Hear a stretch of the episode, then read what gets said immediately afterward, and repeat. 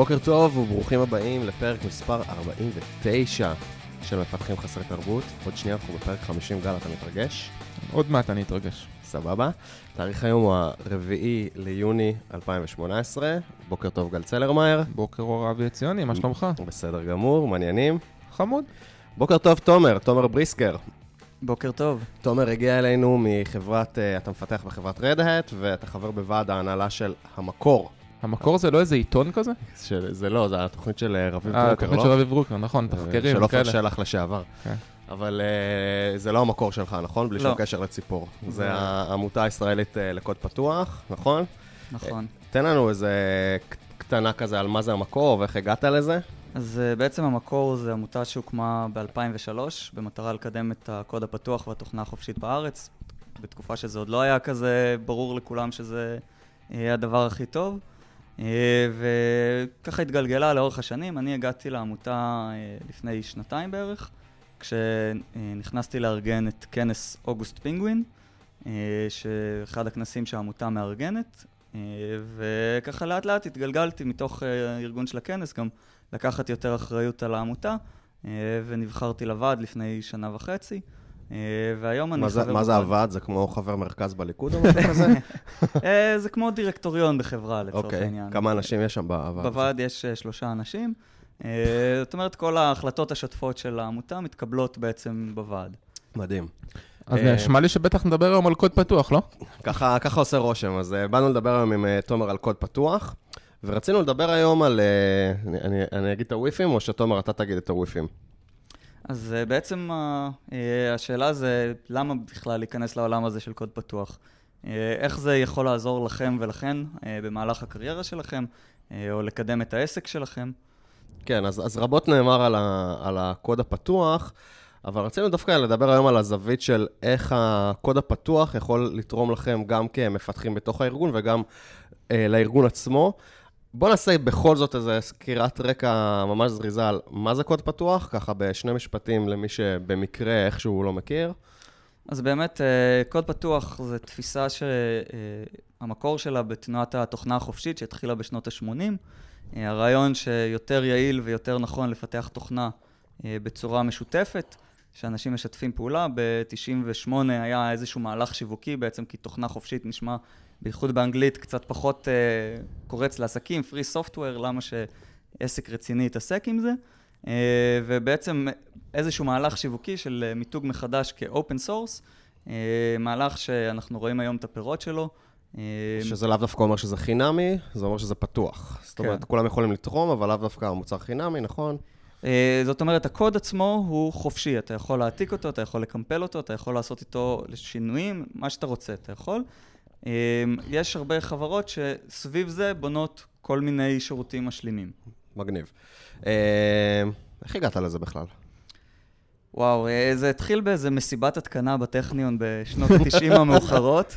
מסיבת התקנה זה חזק. כן, אז זה כמו, כמו בסרט ה network עם אה, צוקרברג, שהם כזה עושים האקתון לתוך הלילה? כן, אה, קראו לזה Linux parties. כן, אז בעצם סחבתי את המחשב השולחני הכבד. באיזה שנה יצא Linux?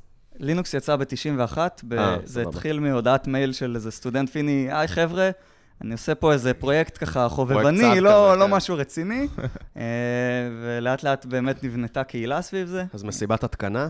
מסיבת התקנה, מחשב שולחני, כזה פרוע. כבד של פעם.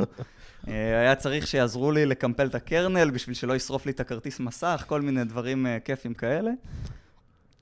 אה, וככה התגלגלתי עם זה קצת. אה, אחר כך הלכתי לכיוון שונה לגמרי, הייתי הרבה מאוד שנים בנוער העובד. אה, התקדמתי ככה בהנהגה של התנועה, ובככה שלהי אה, 2009, 2010 עזבתי את התנועה, והחלטתי לחזור לעולם הזה של התכנות.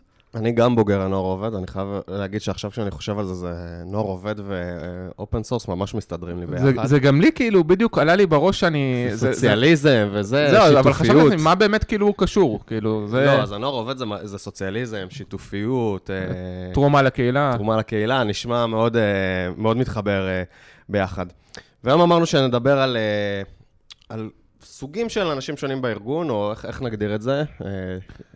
לא, אני חושב שכאילו אנחנו ננסה לתת איזשהו, אה, לא, לא יודע אם מתכון, אבל ננסה כאילו, אה, האמת שזה מתחבר טוב לפרקים האחרונים, שהיו לנו הרבה מאוד פרקים לאחרונה שדיברנו בהם על, על מפתח שהוא junior ועל מפתח שהוא senior ו expert וכולי וכולי, אני חושב שאולי נעשה איזשהו מיפוי כזה למפתחים מתחילים ולמה להם אולי...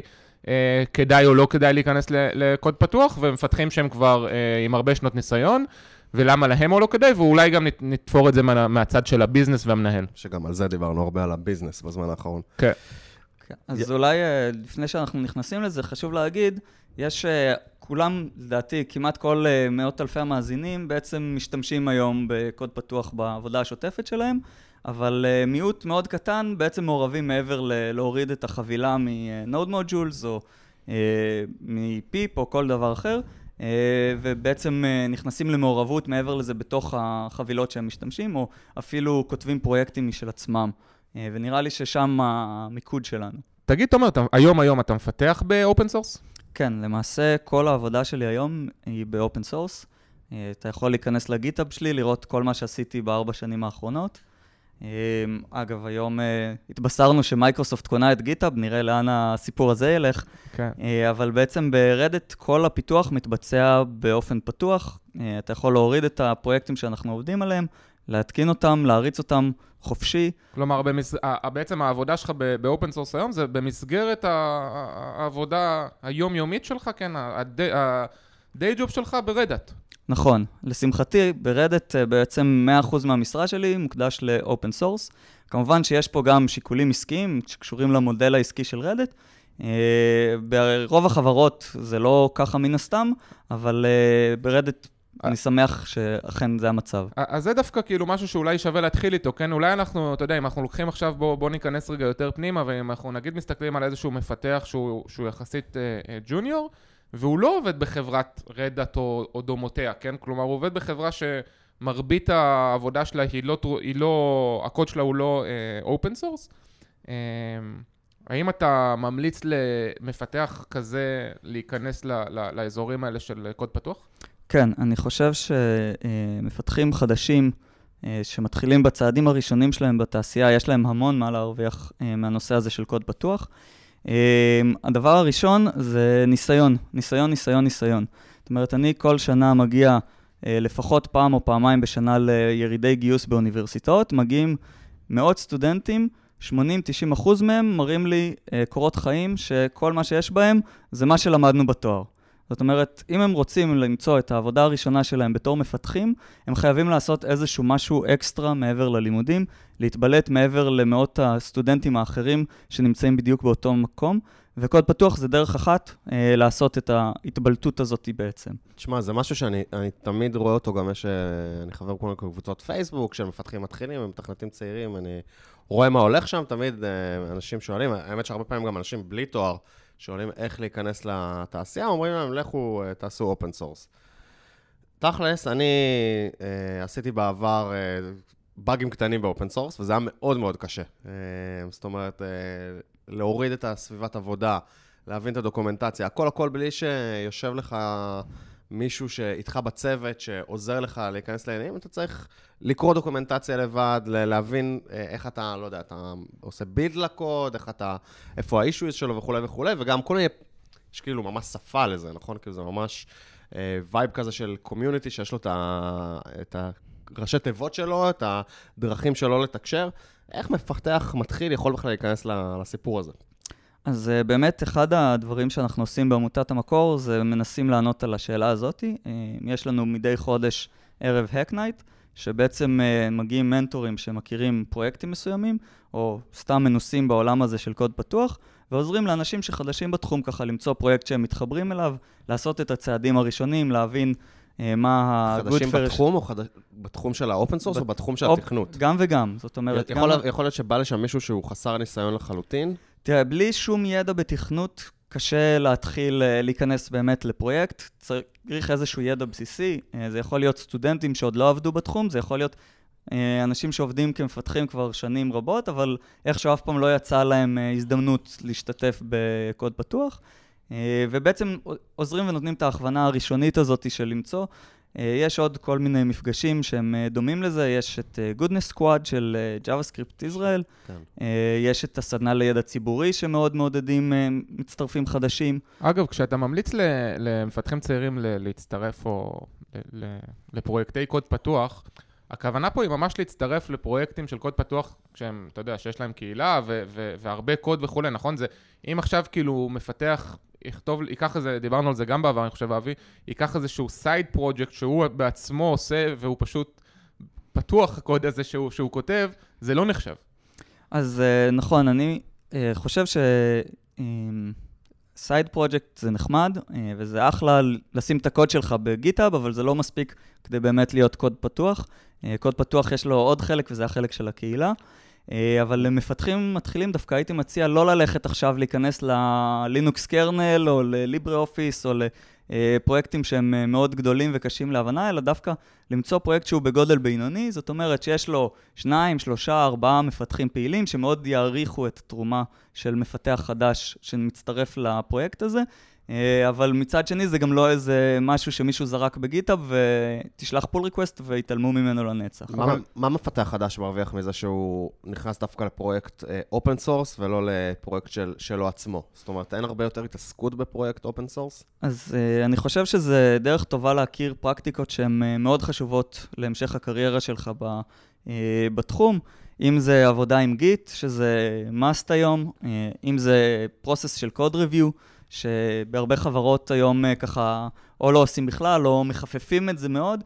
אה, בקוד פתוח, code review זה משהו שהוא מאוד מאוד חשוב, כי אם אתה מכניס קוד של מישהו אחר, אתה צריך להיות אה, בטוח בזה שהוא לא ישבור לך את המערכת. אם זה עבודה מול מערכות של CI, כמו Travis או Jenkins, שבדרך כלל משתמשים בהם בפרויקטים האלה כדי באמת להקל את העבודה של הקוד ריוויו, לראות שהקוד לא נשבר. זה, זה מאוד קרוב, אני חושב, ללעבוד בחברה גדולה, מסודרת. רק, אה, רק בסוג של רימוט ובלי להכיר את הצוות שלך. לא, אני חושב אה, שיש, אבל אני חושב שיש גם קצת בעיות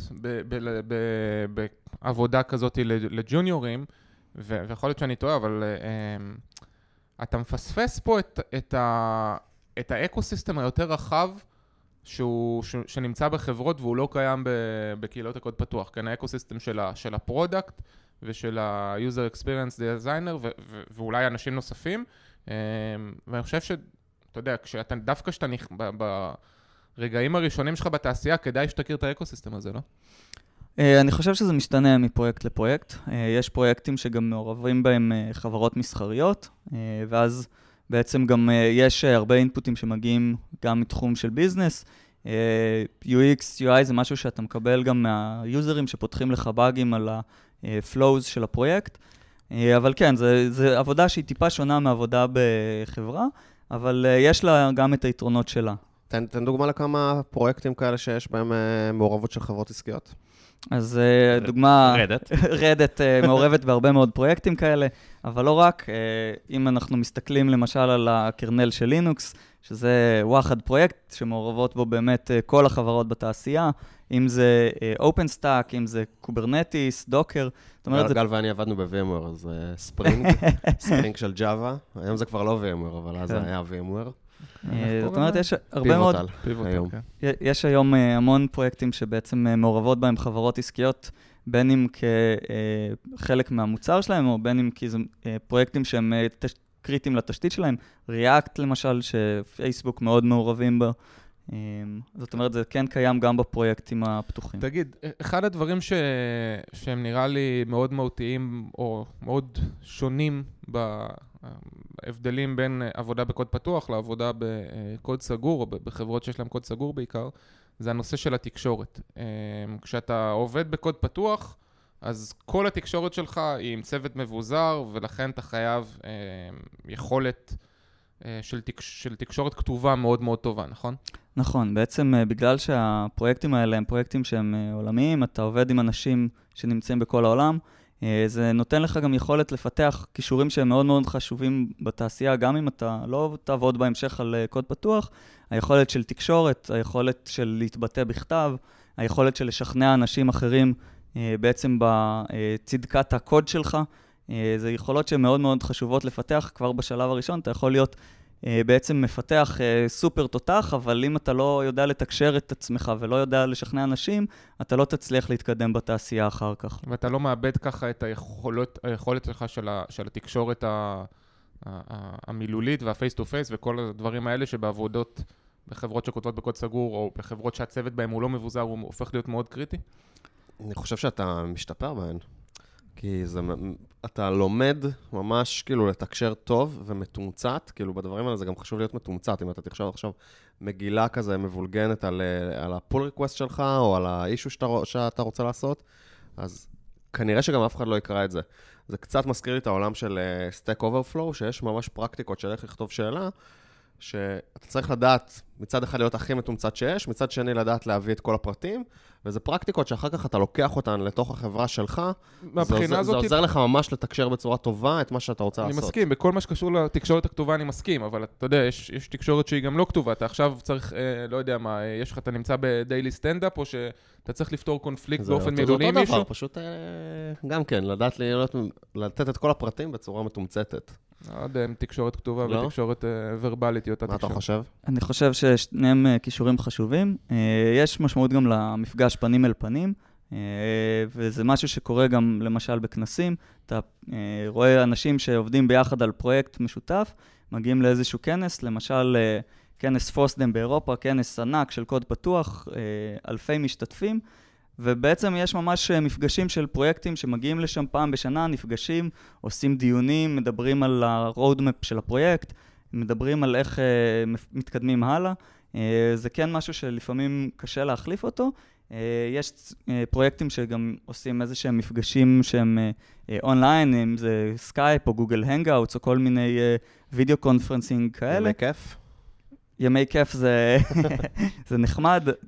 תשתה קצת בירות ב FOSDEM בערב של הכנס, יש אה, אירוע שנתי. אז, אז דיברנו על מפתח מתחיל, שזה באמת יכול להכניס אותו, באמת, לעומת לעשות איזה פרויקט לבד בבית, כשנכנס ל open source, אז אתה בעצם נכנס לכל ה...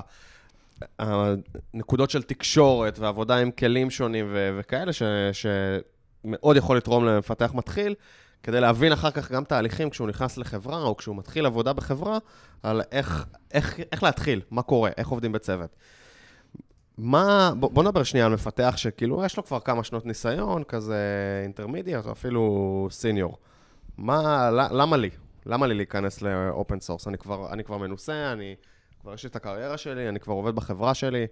אז uh, בעצם uh, בתעשייה שלנו אתה אף פעם לא מפסיק ללמוד, uh, ואם אתה, אם אתה רוצה להמשיך ולהתקדם ולהתפתח, אתה חייב כל הזמן להיות on top of הטכנולוגיה והחידושים האחרונים.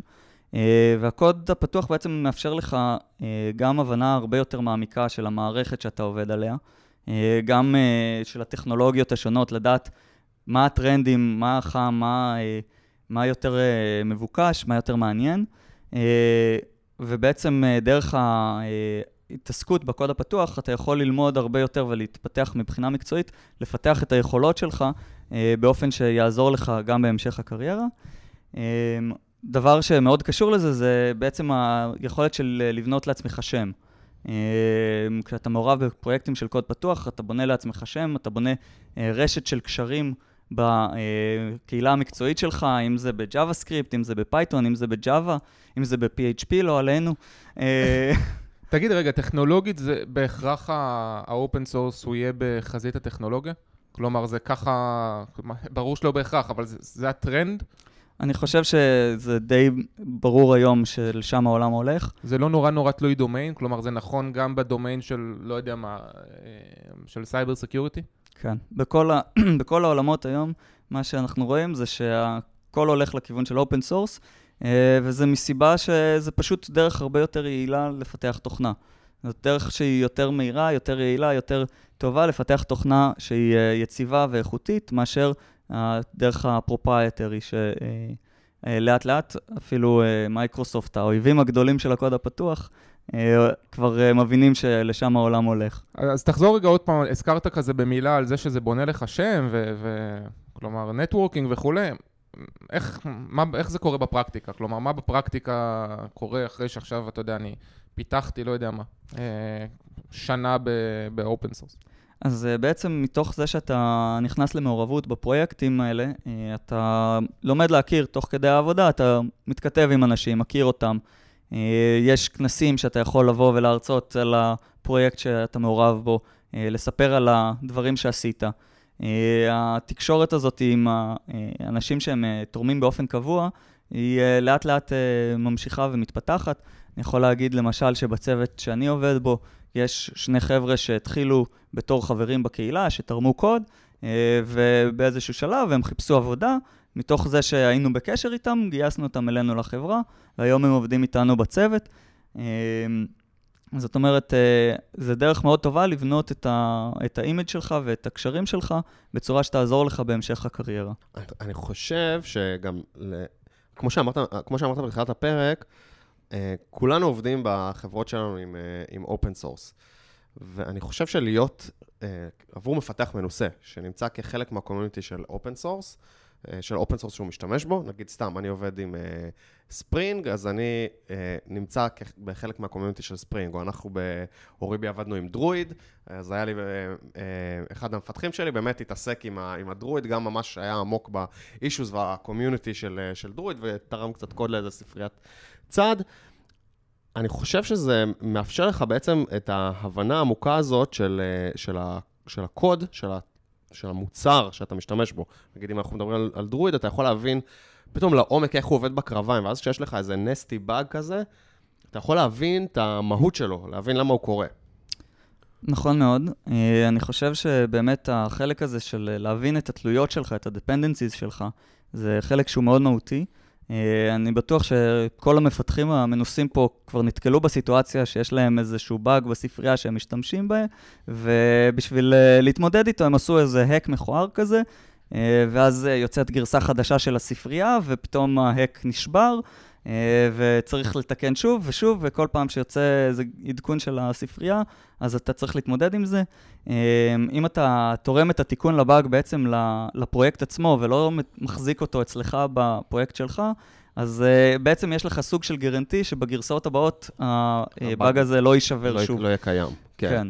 כן. ובעצם גם מתוך ההבנה טובה יותר של הפרויקט שאתה עובד איתו, אתה יכול לכתוב קוד שהוא הרבה יותר טוב, הרבה יותר יעיל. אני יודע למשל, אני uh, עובד בריילס, uh, מתוך היכולת שלי לפתוח את הקוד של ריילס, לקרוא ממש איך Active Record עובד, איך uh, queries מתבצעים, איך דברים כאלה קורים, אני יכול גם להבין באגים שאני נתקל בהם, וגם לדעת איך אני כותב קוד שהוא יותר יעיל ויותר אפקטיבי uh, ביחס לצרכים של הפרויקט אני שלי. אני חושב שזאת נקודה ממש קריטית. Uh, לדעתי, uh, תגידו לי אם את, אתם מסכימים איתי או לא. אנחנו מסכימים איתך. אוקיי. תמיד. אז בוא נעבור לנושא הבא. יאללה. סתם. לדעתי, הנושא של אה, קוד איכותי, ואנחנו מדברים על זה הרבה, גם בחברות, גם בפודקאסט דיברנו על זה הרבה, על קוד איכותי, קוד נקי וכולי. אני חושב שהמקום שבו אתה יכול למצוא את הקוד הכי איכותי היום, זה ב open source. כי גם על זה דיברנו הרבה שבחברה, תמיד יש את ה business שרץ קדימה, ויכול להיות שיהיו אזורים תשתיתיים שיהיו כתובים מאוד מאוד טוב, אבל הרבה מהקוד שלנו יהיה כזה מאוד מאוד uh, מהיר, או לכל הפחות, לא מושלם. וב open source, בחלק מה open סורסים, לפחות ב open סורסים התשתיתיים הכבדים, יש, uh, עד כמה שאני יודע, יש uh, פעולות של uh, code review ו-accept של, uh, של pull request שהם מאוד, uh, מאוד עמוקים, ולכן שם זה נראה לי המקום למצוא את הפרקטיקות הכי טובות לכתוב קוד. אני טועה? אתה צודק בהחלט. אה, זה לא... חשבתי שאתה הולך להגיד אתה טועה בהחלט. מה? חשבתי שאתה הולך להגיד אתה טועה בהחלט. אתה טועה בהחלט. אה, בעצם אה, זה לא נכון באופן גורף לכל פרויקט open source, יש כאלה שלא מאוד מקפידים על הרמה של הקוד, אבל באופן יחסי, בדרך כלל מה שאתה רואה זה שבגלל...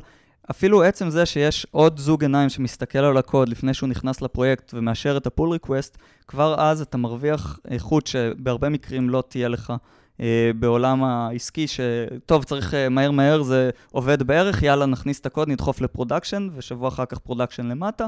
אה, אבל... אה, אה גם הפרקטיקה הזאת שממש מחייבת באיזשהו מקום code review, פרקטיקה שמאוד מאוד נפוצה זה עבודה עם CI ו-CD, איפה שזה רלוונטי. אה, בעצם כתיבה של טסטים, אה, כי maintainer של פרויקט קוד פתוח לא רוצה כל הזמן לבד לעשות את כל הבדיקות, אלא רוצה שאתה שולח pull request, יאללה, שירוץ על Jenkins. אה, אני יכול לספר למשל על הפרויקט שלנו, יש לנו מטריצה של אה, שלוש גרסאות Ruby, שלוש דאטאבייסים, אה, כל pull request לפני שמישהו בכלל מסתכל עליו, רץ על זה, רץ ESLint, רץ RuboCop. אין, אין מה לדבר בכלל, זאת אומרת, שעברת עוד, את הדברים האלה. עוד לפני שבכלל מישהו יסתכל על הקוד שלך, כבר עבר, הוא היה צריך לעבור, שכל הטסטים עוברים, כל הלינטים עוברים, וזה כבר מעלה מאוד מאוד את הרף ההתחלתי בכלל של קוד שיכול להיכנס לפרויקט. אגב, סתם משהו שעניין אותי, לא ממש קשור, אבל אה, באופן source, כאילו, אין milestone וזמנים? הכל הוא כזה שנטי? לא, ממש לא. אה, זה משתנה מאוד מפרויקט לפרויקט. יש פרויקטים שיש להם ממש technical committee או איזשהו גוף כזה שמקבל החלטות טכניות, יש פרויקטים שזה קצת יותר נזיל. יש פרויקטים שלמשל, אה, הפרויקט שלנו, יש לו כל שלושה חודשים, יש release. אה, משתדלים תמיד להכניס פיצ'רים אה, לפני ה release. יש planning שהוא קצת יותר ארוך טווח, אבל גם בעולם שדיברנו עליו, שהכל משתנה, זה גם טוב שדיברתם על זה, אני חושב, בפרק הקודם עם קארן, על זה שבעצם העולם שלנו כל הזמן משתנה.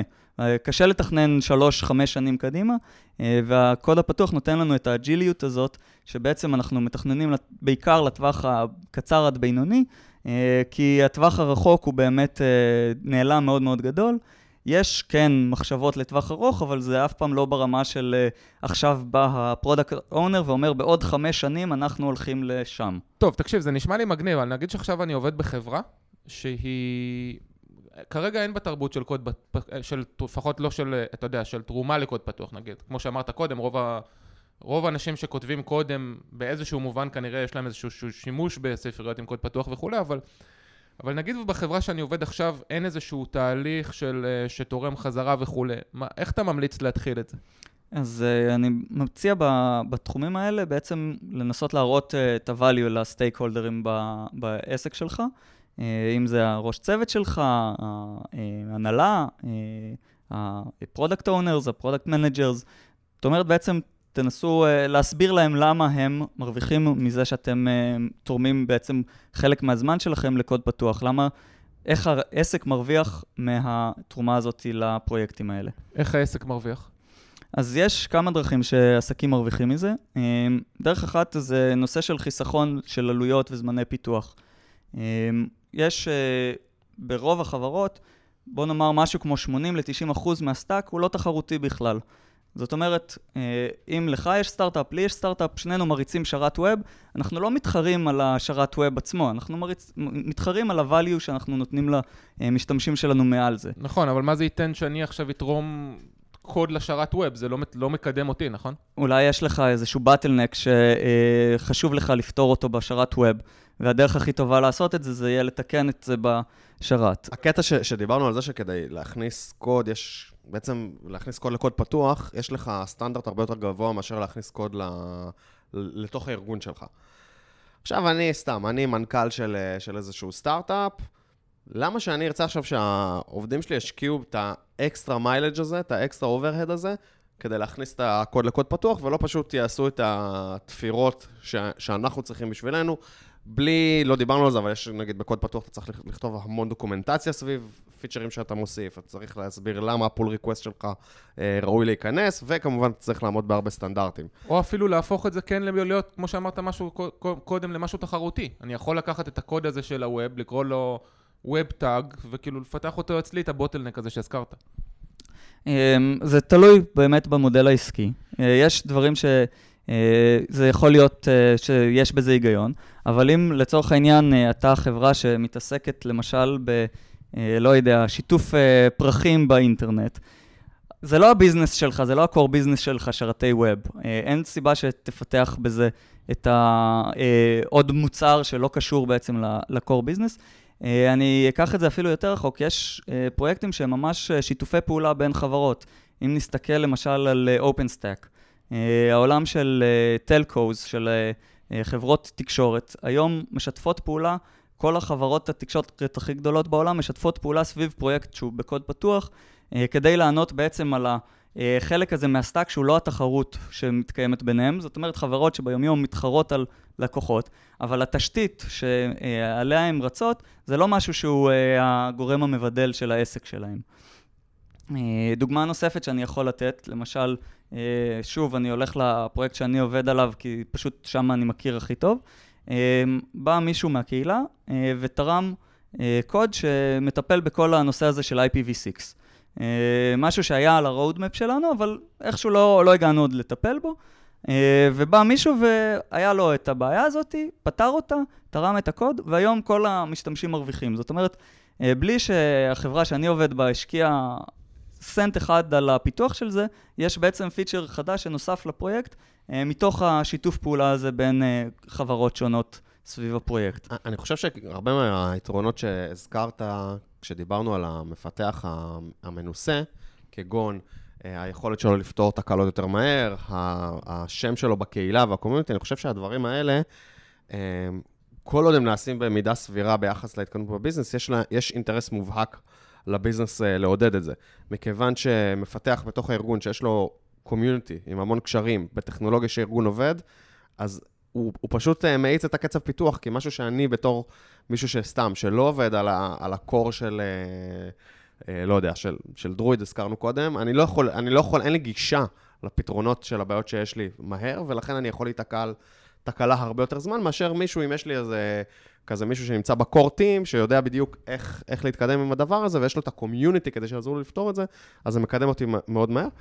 חוץ מזה, שאני חושב שבחברות שהן טכנולוגיות במהותן, זאת אומרת שהטכנולוגיה זה ה... אה, הקור שלהן, שהן מפתחות מוצר שהוא מאוד מאוד טכנולוגי, לא, לא, בלי, בלי תלות בביזנס, אני חושב שזה גם מושך טאלנטים. זאת אומרת, אני בתור אה, מפתח שאוהב טכנולוגיה, אני חושב שאני הרבה יותר מושך לחברה שעושה open source. מכיוון שזה אומר שהיא נתקלה באיזושהי בעיה שהיא מספיק קשה כדי לפתור איזשהו, אה, כדי לבנות סביבה איזשהו פתרון שיכול להועיל גם לחברות אחרות ולקדם אותן, אתה אומר, וואלה, זו חברה שנמצאת בחזית הטכנולוגיה. ולכן, אני, שוב, אני שם את כובע המנכ"ל של הסטארט-אפ, ואני רוצה למשוך טאלנטים, אני חושב שזו דרך מאוד טובה למשוך טאלנטים. אה, כמובן שכמו תמיד זה די תלוי בשלב של החברה, זאת אומרת, אם אתה סטארט-אפ של חמישה אנשים, להשקיע עכשיו ב open source זה כנראה מאוד מאוד אה, יקר בשבילך. אה, נכון, באמת הנושא הזה של אה, גיוס עובדים מוכשרים זה משהו שהוא, אה, אני חושב שאין חברה בתעשייה שלא מכירה אותו.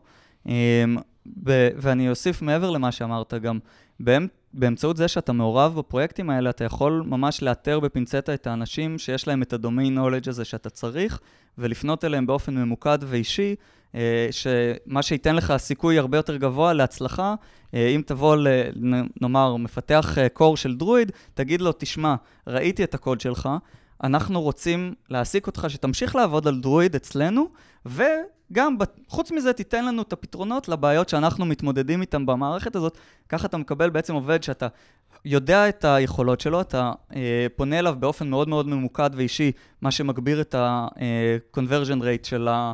אה, לעומת המגייסת הגנרית בלינקדאין שכולנו מכירים. אה, ובעצם מאפשר לך אה, גם לגייס את אותו עובד וגם להחזיק אותו לאורך זמן, כי הוא ירגיש שהוא עובד שהוא יותר נהנה מהעבודה, יותר מתפתח, מעצם זה שהוא מעורב בפרויקטים של הקוד הפתוח. בוא נדבר שנייה על חברות שמחליטות עכשיו להוציא את ה... לא, ש... לא שהמפתחים שלהם ישתתפו ב open source, אלא להוציא קוד שלהם ל open source. יש, יש דרך להרוויח מזה כסף? כן, אז אה, למעשה יש כמה מודלים עסקיים שממש בנויים סביב open אה, source.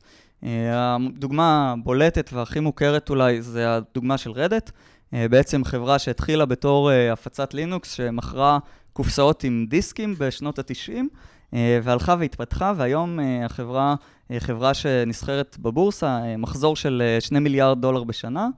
אה, ובעצם כל המודל העסקי נסוב סביב השירותים סביב הקוד. הקוד הוא פתוח, אבל מה שרדט עושה זה בעצם נותנת שירותי תמיכה, שירותי ייעוץ, תיעוד, אה, תיקון בעיות. רדט מעסיקה הרבה מאוד אה, מהנדסים שמעורבים בפרויקטים, זאת אומרת, אם יש לך כלקוח איזשהו באג שמפריע לך או פיצ'ר שחשוב לך, Red Hat מעסיקה את המפתחים שיכולים לטפל בבעיה הזאת, זה מודל אחד. מודל שני זה מודל של ה-SaaS למיניו. דוגמה מאוד בולטת בתחום הזה זה הדוגמה של WordPress, חברת Automattic, שבעצם מפתחת את WordPress, מריצה את wordpress.com, והפלטפורמה עצמה היא חופשית, אתה יכול לקחת את WordPress, להתקין אותו על השרת שלך, לנהל אותו בעצמך, שיהיה לך בכיף. אבל אתה יכול גם, אם אתה לא רוצה לעשות את זה, לשלם לאוטומטיק, הם אה, ירימו לך, יטפלו לך בכל התשתיות, ידאגו שהשרת תמיד אה, מעודכן, שיש לך את הפלאגינים שאתה צריך, אה, וזה בעצם אה, מודל שני, כשהביזנס value פה שהם נותנים, זה את שירותי הניהול של התשתית, ולא את הקוד עצמו. אה, מודל שלישי בעצם ש, אה, שעובד בהרבה מקרים, זה מודל של open core. זאת אומרת, יש איזשהו אה, פרויקט שהוא הליבה של העסק, ואתה מוכר בעצם Enterprise Edition. זאת אומרת, דוגמה שיש לזה, יש לנו את Puppet למשל, שיש לך את Puppet אה, שהוא פתוח והוא חופשי, ויש את Puppet Enterprise שיש בו פיצ'רים נוספים שלא קיימים ב Puppet הרגיל. אנסיבל, uh, לפני שרדט קנו אותה, היה את אנסיבל uh, טאוור, שבעצם נותן איזשהו שירות משלים. אנסיבל טאוור היה קנייני, היום הוא גם בקוד פתוח. מי שלא מכיר זה כלי קונפיגורציה, נכון? כמו נכון. שף וכולי, שמאפשרים לך לקנפג את המוצר בקלות גדולה יותר, בסקייל רחב. נכון. אה, וזה בעצם מודל שהוא קיים בהרבה חברות. אה, MySQL, לפני שאורקל קנו אותם, זה גם היה המודל שלהם, אה, וזה מודל שהרבה חברות הולכות אליו. ויש עוד את הנושא של, בעצם יש לך איזשהו חלק בפרויקט שהוא לא הליבה, אלא הוא ליד הליבה, ואז שווה לך לפתוח אותו כדי לתמוך בעצם בליבה ולקבל את ה-contributions כמו שתיארנו קודם. אולי נעבור לשאלות מהקהל עכשיו? יאללה, סבבה. שאלות מהקהל. אז uh, שאלה ראשונה של uh, מיודענו uh, יובל קסטן מפרק 23.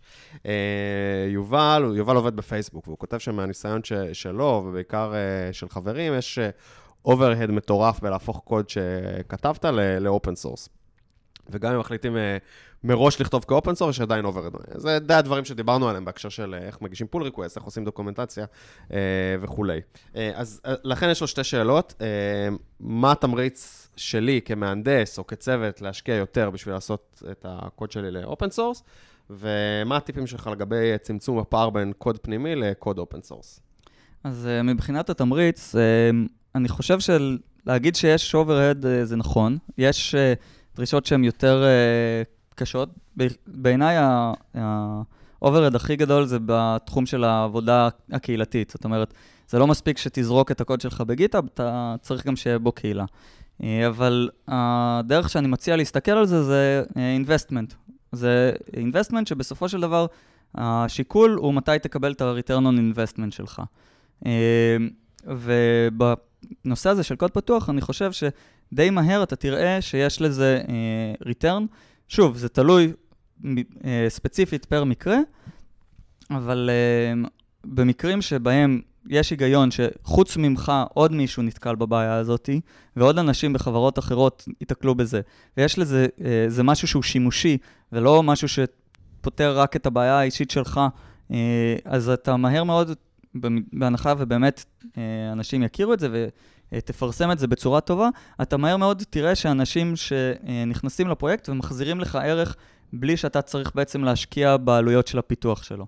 נשמע, נשמע משהו, האמת שהשאלה השנייה שלי, יובל, אני גם, אני מאוד מתחבר אליה, אה, על, על, על, על אם יש לך איזה שהם טיפים לצמצם את הפערים בין הקוד הפנימי לקוד ה open source, אני זוכר שב VMware היה לנו כן. אה, כמה מוצרים שהם היו כאילו בשני פלייבורים, כן, ב flavor כזה של open source ו flavor וזה היה overhead. זהב, כסף וערד זה היה. כן, זה היה overhead. ה tier של התמיכה לעומת ה tier של ה open source יות. כן, וזה היה לא פשוט לתחזק כאילו את זה במקביל.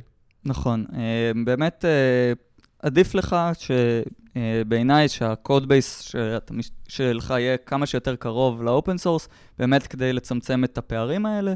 אמ, אם תסתכלו למשל על Kubernetes כדוגמה, אז יש הרבה חברות שמציעות הפצות Kubernetes, שהן אה, ממש קרובות ל Kubernetes, עם איזה שהם פאצ'ים כאלה ואחרים, אבל השאיפה היא תמיד שכמה שיותר מהקוד שלך יהיה upstream, ואז בעצם התחזוקה שלו היא יותר קלה, ואתה לא צריך בכל אה, גרסה חדשה שיוצאת אה, להתמודד עם שינויים שקרו בפרויקט. אה, אלא בעצם אתה נמצא קרוב יחסית לפרויקט ה open source י. בר אורינג שואלת, איך אה, פרויקט לתרום לו לקוד פתוח, והאם לג'וניורים ולסיניורים תמליץ לתרום לסוגי פרויקטים שונים? אז אה, הדבר הראשון שאני ממליץ זה לבחור פרויקט שאתם אה, מתחברים אליהם, פרויקטים שאתם מתחברים אליהם. אה, זאת אומרת, uh, אם זה פרויקט שאתם צריכים אותו בעבודה, אתם משתמשים בו ביומיום, אם זה פרויקט שמעניין אתכם, uh, זה הדבר הכי הכי חשוב, זה שזה יהיה משהו שמעניין אותך מספיק כדי להשקיע בו את הזמן ואת המרץ. Uh, כי אחרת קל מאוד uh, לזנוח את זה. כן, קשה, קשה למצוא סתם ככה לשוטט בגיטהאב ולמצוא פרויקט שבא לך לתרום לו. זה רצוי משהו שאתם מבינים בו, אה, באמת הקטע הזה של להיכנס דרך אה, אה, באגים. אה, אתה חווה באג בעבודה באיזשהו open source שאתה משתמש בו, אז אתה תורם איזשהו patch אה, לבאג הזה, שאולי אחר כך נכנס, וזה כזה מכניס אותך. נכון. והאמת שברוך רוטקוף גם כתב פה הודעה, זה לא אה, אה, הערה, זה לא שאלה. כתב שיש אה, מושג שנקרא Start Contribute Issues, אה, שזה בחלק מהפרויקטים, זה כזה אישיוים כאלה בקוד, בפרויקט, שהם מיועדים למתחילים. נכון, בהרבה הרבה מאוד פרויקטים אה, עושים מאמץ באמת כדי אה, להקל את. ה onboarding. אה, מסמנים issues שהם אה, easy first issue, good for starters, כל מיני דברים שקל כאלה. להיכנס אליהם. שקל להיכנס אליהם. אה, אפילו זה לא חייב להיות, אה, להתחיל מהקוד. זאת אומרת, אה, למשל, התקנת איזושהי ספרייה, והיה איזו טעות בדוקומנטציה. אתה יכול אפילו להתחיל תרומה ראשונה מלתקן את הטעות בדוקומנטציה. זה משהו שהוא מאוד או בעל איזה ערך. טסט. להוסיף טסט, זאת אומרת דברים שמאוד בעלי ערך לפרויקט.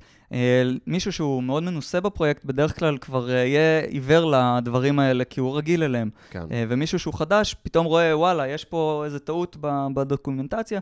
זה דרך טובה לעשות ככה את הצעדים הראשונים, להיכנס, להכיר, לאט לאט לחקור. לגבי השאלה של האם הייתי ממליץ את אותם פרויקטים לג'וניורים וסיניורים, לא. התשובה היא שלג'וניורים הייתי מציע להיכנס יותר לפרויקטים שהם, בואו נקרא להם קטנים עד בינוניים, אה, פרויקטים שיחסית אה, קל להיכנס אליהם, שגם ה-contribution לא אה, ייעלם בתוך אה, ים של, אה, של אה, מאות או אלפי open pull requests. אה, ושבאמת אה, יהיה חוויה כזאת של הצלחה, מתוך זה שמדובר בפרויקט שהוא יחסית קטן ויחסית קל להבנה, והמיינטיינר שלו ישמח לקבל את התרומה. אה, לפרויקטורים, למפתחים שהם יותר סיניורים, הייתי ממליץ אה, להיכנס לפרויקטים שהם אה, רלוונטיים להם מבחינה מקצועית. זאת אומרת, זה יכול להיות גם פרויקטים שהם מאוד גדולים. נתנו קודם את הדוגמה של ריילס למשל, או של דרויד. זאת אומרת, אם זה פרויקט שאתה עובד איתו ביומיום, שאתה מכיר אותו טוב, אז גם ה-value שאתה תקבל מתוך התרומה לזה של ההבנה היותר המעמיקה של המערכת תהיה יותר גדולה. אמ, איציק גלובינסקי אומר שהוא רוצה לשנות איזה משהו בקרנל, ו... אני מניח שזה בקרנל של לינוקס. אני מניח גם לפי ההמשך, והוא אומר שיש לו כל מיני שמועות על אה, לינוס, והוא לא בטוח שהוא יאפשר לו להכניס את השינויים האלה, הוא שואל עד כמה זה נכון. אה, אז אה, לא יצא לי לעשות... אהבתם אגב את הניסוח כן, מחדש? איפה- איפה צנזורה קטנה, כן. אמ, לא יצא לי לנסות להכניס קוד לקרנל. כן, יש פרויקטים שהם יותר או פחות ידידותיים לחדשים. ספציפית לגבי ה kernel, לינוס הוא לא מאשר את כל הקוד שנכנס, אלא יש לכל subsystem, יש מיינטיינרים שונים. אה, היה אפילו בארץ אה, maintainer אה, אחד ש... אה, אבי קיוויטי, שאני לא יודע היום מה מידת המעורבות שלו, אבל היה תקופה שהוא היה maintainer של איזשהו subsystem בלינוקס. ובעצם המיינטיינרים של אותו sub system הם אלה שמחליטים מה נכנס ומה לא. מטבע הדברים, ה kernel של לינוקס מערכת שמריצה חלק מאוד נכבד מהמחשוב בעולם, ולכן האיכות שנדרשת מהקוד שם היא מאוד מאוד גבוהה, אה, ויש סיכוי שאם תכניס קוד שישבור אה, הרבה מאוד אה, שרתים בעולם, יש סיכוי שיצעקו עליך. ולינוס ידוע בתור אחד שלא מתבייש לעשות את זה. בעיניי, הוא עושה את זה בצורה שהיא קצת בוטה מדי, ויש גם חלק, יש אנשים שנמנעים ממש ממעורבות בקרנל בגלל זה, אה, אבל ברוב הגדול של הפרויקטים, יש אה, דווקא מאוד דגש על אה, Code of Conduct, על התבטאות בצורה שהיא נעימה, criticize the code, not the person, טוב, לינוס בתור מי שהקים את לינוקס ואת גיט, כנראה שיש לו זכויות יתר.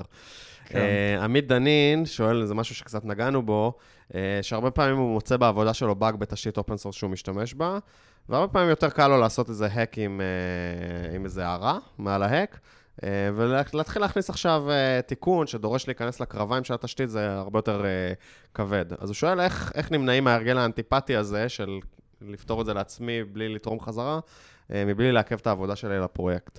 אז אה, נכון, דיברנו על זה קצת. אה, אני חושב שצריך להסתכל פה על הטווח הקצת יותר ארוך. זאת אומרת, מחר או עוד שבוע או עוד חודש אה, תצא גרסה חדשה של הספרייה הזאת שיש בה באג, ומשהו ישתנה, ופתאום ה hack שעשית כבר לא עובד.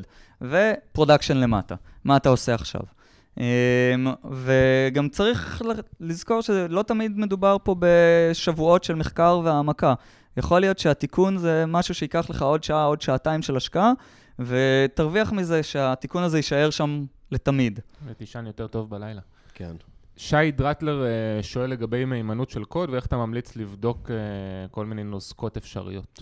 זאת שאלה מעניינת, כי לא יצא לי לשמוע הרבה אנשים ששואלים את אותה שאלה לגבי קוד סגור. זאת אומרת, דווקא פה בקוד הפתוח יש לך בכלל את היכולת הזאת להסתכל אה, ולראות שאין לך פה איזה backdoor של ה-NSA או ה-KGB או השד יודע מי, כי הקוד פתוח, אתה יכול לראות בדיוק מה אתה מריץ. אה, יש אפילו כמה סטארט-אפים שמתעסקים בתחום הזה, של ממש בדיקות אוטומטיות לנוזקות בפרויקטי קוד פתוח. white source או משהו כזה? יש white source ויש black duck, ואולי יש עוד צבע ופריט אקראי אחר. אבל אה, כן, יש אה, זה, ויש גם חברות, למשל, כמו Hat, אם אנחנו כבר בצבע ופריט, אז אה, שבעצם חלק ממה שאתה רוכש, כשאתה רוכש מנוי לרדת, זה את השירותים של החברה הזאת שבודקת... של hot fixes. של ה-bug fixes, שיש ממש צוות אבטחה שעובר על הפרויקטים, מוודא שכל ה-vulnerabilities מתוקנים. אה, ממש אה, נותן לך איזושהי אחריות ומישהו שאתה יכול אה, לפנות אליו ונותן לך את הביטחון המוסף הזה. מגניב. נראה לי שהגענו לסוף הפרק. יש פה עוד שאלה אחת שעופר יצחק ישאל, איך זה הרגיש להיות המייסד של דוקר ולמה עזבת? כי אתה דומה לסולומון הייקס, שם פה תמונה שממש דומה לתמונה שלך, אבל אני, אני אתה מעדיף, לא באמת המייסד של דוקר. אני לא באמת, אני גם מעדיף לא לריב עם כל התעשייה באופן כללי. אמ, זה לא מודל עסקי מצליח. אתה אומר לינוס זה מספיק טוב. כן.